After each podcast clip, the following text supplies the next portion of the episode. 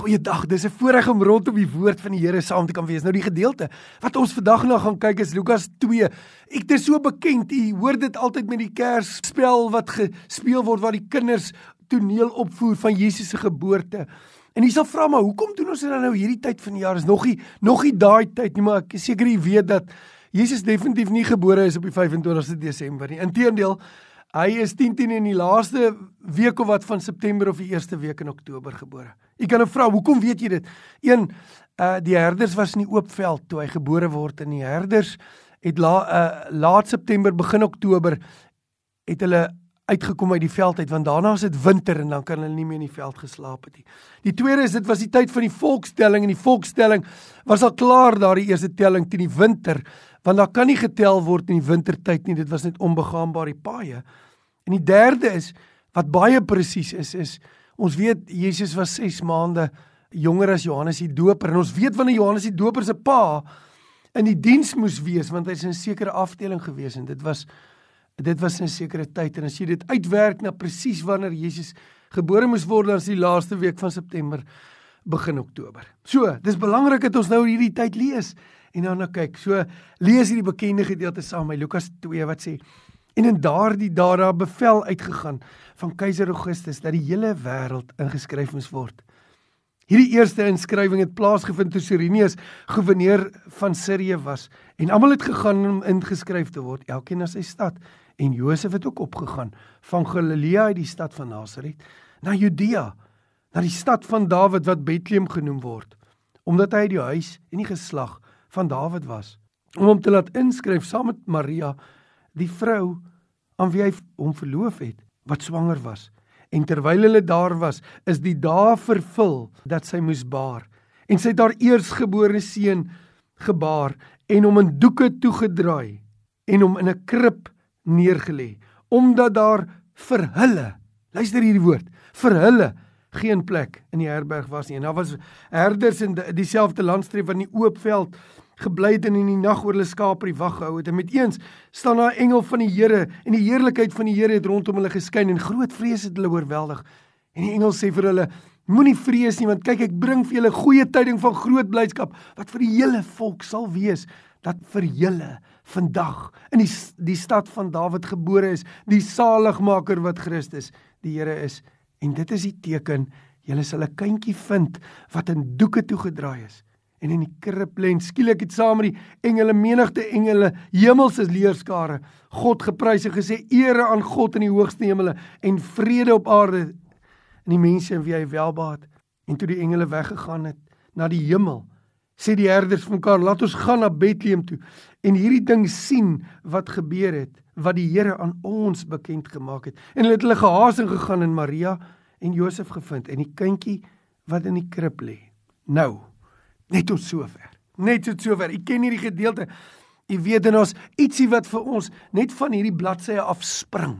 Dit spring net van hierdie bladsye af van voordat ons verder gaan. Kom ons vra vir die Here, Vader, ek bid dat U deur die Heilige Gees vir ons in hierdie bekende gedeelte u self sal wys soos nog nooit tevore nie en dat u deur die Heilige Gees openbaring sal bring in ons harte.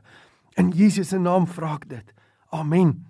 Nou die eerste ding wat vir ons afspring van die bladsy af is dat die Bybel sê hy's in 'n krib neergelê. Nou onthou dit was nie 'n spesiale krib nie. Daar was nie 'n krib aan een kant in die stal nie. Dit was die krib wat gebruik is vir die voer van die diere daar in die stal. Dit was die enigste plek waar hy hom kon neerlê.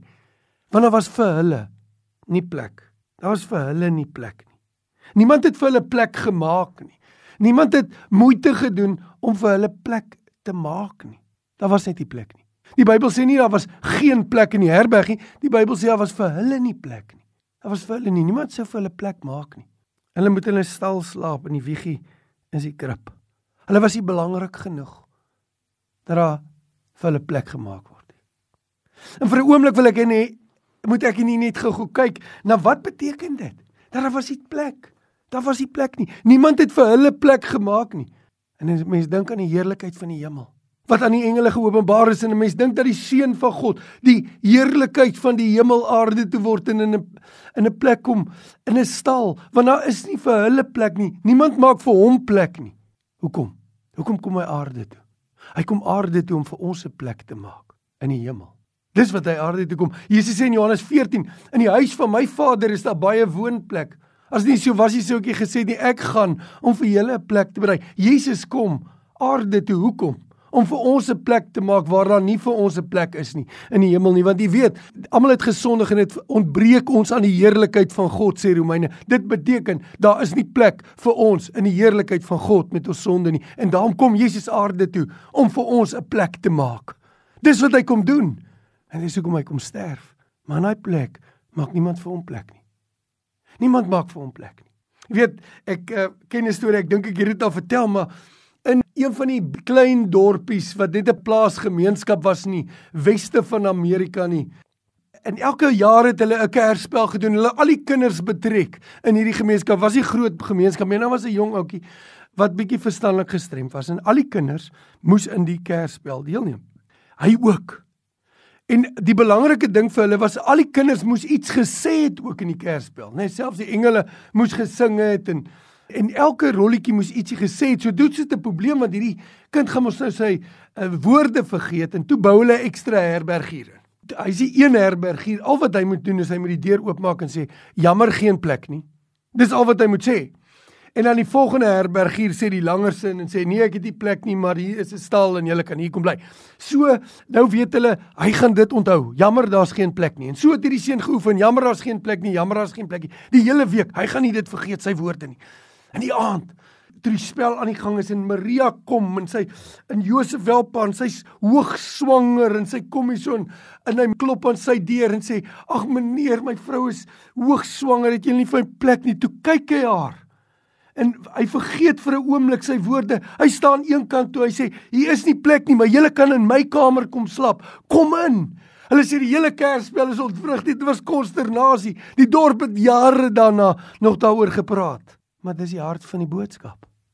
Die hart van die boodskap is dat God maak vir ons plek deurdat Jesus aarde toe kom. En die ironie is, sy eie mense het nie vir hom plek gemaak nie. Daar was vir hulle nie plek nie. Dan moet ons mekaar vra, sommer in die begin van ons tyd saam, moet ons sê, is daar plek vir Jesus in jou lewe? Is daar plek vir Jesus in jou lewe? Is daar plek vir Jesus in jou sosiale lewe, in jou program? Is daar plek vir Jesus langs jou as jy televisie kyk? Of as jy besig is om op YouTube of op die internet te gaan? Is daar plek vir Jesus langs jou in jou tyd, in ruim van jou naweek, as jy jou week beplan? Is daar tyd vir Jesus? Is daar 'n plek vir hom in jou lewe? Dit is die vraag wat gevra moet word in jou kalender. As jy na jou kalender kyk en hoe jy dinge beplan, is daar plek vir Jesus? Maak jy vir hom plek? Gee vir hom die beste tyd in die oggend of doen jy iets anders die beste tyd in die oggend? Gee hom jou eerste tyd, jou beste, jou kosbaarste. Maak jy plan. En die tweede wat ons vir mekaar moet vra of hierna is as die wêreld nie vir Jesus plek gemaak het. Hoekom dink jy die wêreld moet jou aanneem as jy Jesus wil volg? Hoekom is jy verbaas as mense slegte dinge van jou sê? Hoekom is jy verbaas as jy teenkanting kry net omdat jy die regte ding doen? Hoekom is jy verbaas dat mense jou nie meer nooi nie? Want jy drink nie? Is dit vir jou moeilik? Hoekom is jy verbaas as mense sukkel om vir jou plek te maak want jy's want jy raak ongemaklik? Dit is dan wat met Jesus gebeur het. Die wêreld het nie vir hom het nie vir hom plek nie. Jy sien, Jesus se vernedering. Die vernedering wat Filippense van praat is in 3 stappe. Luister mooi, Filippense 2. Hy het homself ontledig. Dit beteken hy het vir 'n tyd lank daardie deel van sy goddelikheid prysgegee. Van die hemel te wees en op oral te kan wees op dieselfde tyd het hy prysgegee om in die liggaam van 'n mens te kom wees. Al is hy nog steeds God, het hy homself beperk aan die liggaam van 'n mens wat moeg geraak, wat ook honger raak, wat ook moet slaap. Dit was die eerste deel van sy vernedering. Hy het homself ontledig, sê die Bybel leeg gemaak. Die tweede deel is hy het homself as ons dienskneg gebring. Met ander woorde, hy het nie net die liggaam aangeneem nie, hy het bereid gewees om ons te dien en dan sê die Bybel, hy het ons gedien tot by die punt waar sy eie mense hom verwerp en in 'n kruishout vervloek gehang het. Dis die hele vernedering van Jesus, net soos wat hier gebeur. En waar begin dit? Dit begin met waar hy in doeke toegedraai word en in 'n gebruikte krib gesit word. In doeke word hy toegedraai en in 'n gebruikte krib gesit. Dit was nie net 'n spesiale krib met mooi nuwe hooi wat om oorgetrek is nie. Nee, dit was die krib waaruit hulle gevreet het en die speeksel geval het van die diere. 'n Gebruikte krib. So Jesus se vernedering wat in 3 dele gebeur het, begin met wanneer hy gebore word en in 'n stal gesit word wanneer word hy vir hom plek gemaak nie. Maar dis mos nie die einde van die storie nie. En prys die Here, dit is nie die einde van die storie nie. Want daar's nog een geleentheid waar hy in doeke toegedraai word. Maar wanneer is dit? Dis heel aan die einde. En ek lees dit vir in Johannes want jy sien, ons moet dit verstaan. Anders te verstaan nie nie die die doeke toedraai in die krib sit nie. Jy moet verstaan in Johannes 19 sê die volgende en Nikodemus het die eerste keer in die nag na Jesus toe gekom en hy het gekom in 'n mengsel geneem van mirre en alweer 'n 100 pond in gewig en hulle die liggaam van Jesus geneem wat nou net dood is aan die kruis en in doeke toegedraai en saam die speserye soos die gewoonte was by die begrafnis. En daar was 'n plek by die kruisiging 'n tuin en hulle het hom in 'n nuwe graf gelê waar daar nog nooit iemand in gelê is nie. Jy sien wat gebeur het? Die eerste keer toe hy kom en sy vernedering begin toe word hy in doeke toegedraai want niemand maak vir hom plek nie en hy moet in 'n stal gebore word en doeke toegedraai in 'n krib lê in 'n gebruikte krib en sy vernedering gaan verder voort nadat hy leef soos 'n diensknegg 'n eenvoudige man iemand wat die Bybel sê he was willing to be made of no reputation uit in 'n gewone huis in 'n arme man se huis groot geword in Nasaret tot by die punt waar hy verneder geword het aan die kruis en sy vernedering deurgevoer het die drie stappe van sy vernedering en toe hy sterf aan die kruis en sê Vader in u hande gee ek my gees oor. Dit is volbring, die prys is betaal. Toe wat gebeur? Toe begin die volgende 3 van Filippense 2. Die 3 stappe van Jesus se verheerliking. Wat is die 3 stappe van Jesus se verheerliking? Die een is sy lê nie in 'n nuwe graf. Hulle maak vir hom plek in sy dood. Toe hulle hom met doeke toedraai die volgende keer toe maak hulle vir hom plek. Toe lê nie in 'n gebruikte krib nie, maar hy lê in 'n nuwe graf. Hier kom sal dit deel wees van sy verhoging sal hy vir my sê 1 Die feit is niemand wat gekruisig is is ooit begrawe nie. Hy's net afgegooi in die asgate wat gebly brand het in Jerusalem. U kan dit gaan lees in die geskiedenis. 'n Gekruisigde persoon is veroordeel en in sy liggaam is hy nooit begrawe nie, maar Jesus, vir hom word daar plek gemaak in 'n nuwe graf, want sy verhoging begin. Net soos wat sy vernedering begin het met in doeke toegedraai, so begin sy verhoging ook in doeke toegedraai. Jesaja, weet jy, Jesaja die bekende Jesaja 53 maar ons ons gaan begin by Jesaja 52 want Jesaja 53 se hoofstuk begin eintlik by Jesaja 52 vers 13 en ek lees vir julle. Hy sê kyk, my knegg sal voorspoedig wees. Hy sal hoog en verhewe, ja baie hoog word. Jy moet dit verstaan. Dis die drie stappe van Jesus se verhoging wat hier geprofeteer word in Jesaja 52 vers 13. Hy sal hoog wees. Daai woord in Hebreëus beteken hy sal opstaan. Daai woord beteken letterlik opstaan. Hy sal opstaan. Tweede, Hy sal verhewe met ander woorde hy sal opvaar en die derde hy sal baie hoog wees hy sal die troonposisie inneem. Want jy sien Jesus se vernedering is deel van sy verhoging. En vir hom om die naam te kry bo alle name, moes hy eers 'n nie 'n plek gemaak word nie en hy moet in 3 stappe van vernedering afkom sodat hy vanuit daai vernedering verhoog kan word. En in dit word die Vader verheerlik. Jy sien wanneer mens bid Vader verheerlik U naam, dan is dit baie meer net as dat die naam van die Here hoog gemaak moet word. Dit moet dat die vernedering van Christus bekend gemaak sal word sodat sy naam verhoog word. Dit begin met niemand wat vir hom plek maak nie, hy word in doeke toegedraai en in 'n gebruikte krib gesit. Daar begin die drie stappe van vernedering, die drie stappe van verhoging begin as hy in doeke toegedraai word en hulle maak vir hom plek in 'n nuwe graf. O baie keer bid ek Vader verheerlik U naam. Het jy al gebid Vader verheerlik U naam? En dan besef jy nie wat jy vra nie want wat jy sê is Vader dat in my lewe plaasvind ook wat in die Here Jesus was en dit is die stappe van sy vernedering sowel as die stappe van sy verhoging. Want vir hom om bekend te word as die naam bo alle name moes hy na die laagste plek van vernedering gaan sodat hy daarvan af verhoog kan word na die hoogste plek en die naam bo alle name. En ons kry hierdie die beste uitgedruk. Hierdie waarheid kry ons die beste uitgedruk in in Johannes 12. En ek dink ons as kinders van die Here dink so lig oor die heerlikheid van die Here dat ons nie besef wat die Here wil doen in ons lewe nie en nie verstaan nie wat is die Here se doel met daardie vernedering en die moeilike situasies wat jy moet deurgaan. Wat is die Here se doel? Hoekom die Here jou deur krisisse en deur storms neem? Dis sodat sy naam verheerlik kan word. Maar daarvoor moet hy eers jou die pad van vernedering ook laat stap. En dit is wat die Bybel sê. Ons kan nie daarvan wegkom nie en daarom kan ons nie net ligweg praat oor hierdie dinge nie want dit het vir Jesus alles gekos. Hy moes alles ontledig totdat hy dood is aan die vloek aan die kruis voordat die verhoging kon plaasvind. Waar kry jy dit die duidelikste? Ons kry dit in Johannes 12.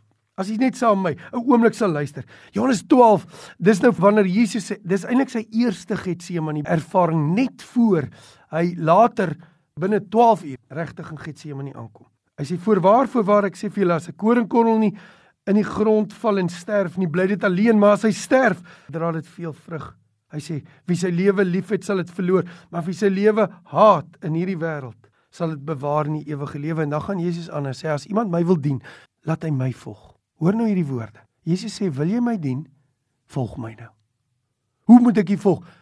In sy vernedering en dan laat hy homself verheerlik in jou lewe. Jy kan nie die een vat sonder die ander nie. Jy kan nie die kroon vat sonder die kruis nie. Hy sê, "En waar ek is, daar sal my dienaar wees, en as iemand my dien, sal die Vader hom eer."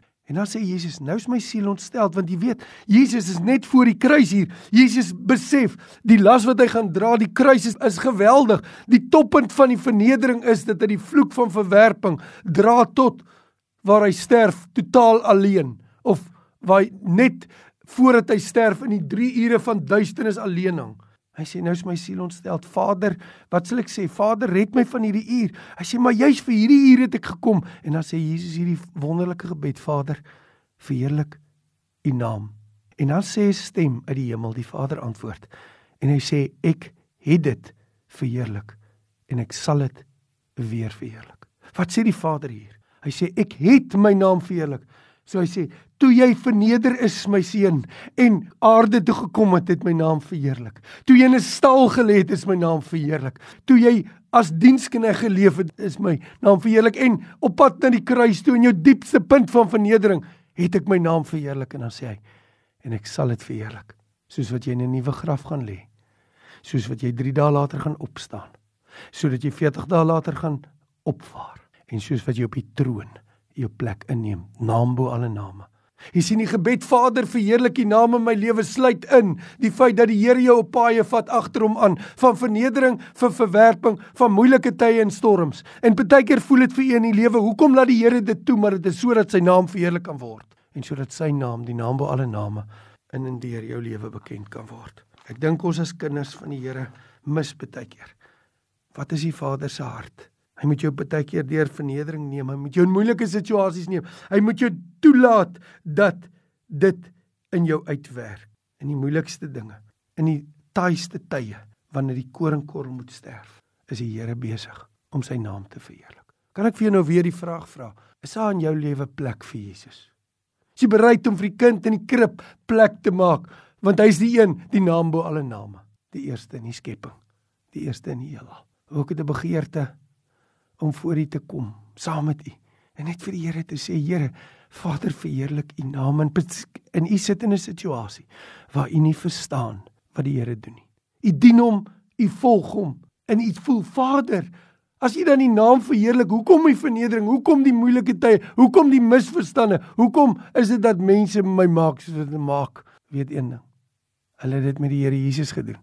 En die Vader het gesê, ek het my verheerlik ook in jou vernedering en ek sal my verheerlik, my naam deur jou lewe. Wat 'n voorreg. Wat 'n voorreg dat ek en u die naam van die verheerlikte Jesus kan dra in ons lewens. Mag die Here u help en ek wil graag saam met u bid. Wat vandag in 'n situasie is wat u nie verstaan nie, weet net een ding, dat die vernedering van ons Here Jesus toe niemand vir hom plek wil maak nie. In doeke toegedraai in 'n in 'n stal is dieselfde Jesus wat in doeke toegedraai word in 'n nuwe graf gelê word. Wat opstaan wat opvaar en op die troon is vandag. Hy's die een wat sê ek het na my Vader se huis toe gegaan om plek te maak vir jou en ek kom weer want ek het vir jou kom plek maak. Mag die Here u seën en as jy dalk in 'n situasie sit waar jy voel ek wonder of, of u weet nie of daar vir u plek in die huis van die Vader. Kom na die een toe wat sy lewe gegee, wat neergelê is in 'n graf, maar nie daar gebly het nie, wat opgestaan het en deur sy wonde daar ook vir jou genesing van jou sonde kan kom. Mag die Here ons help. Amen.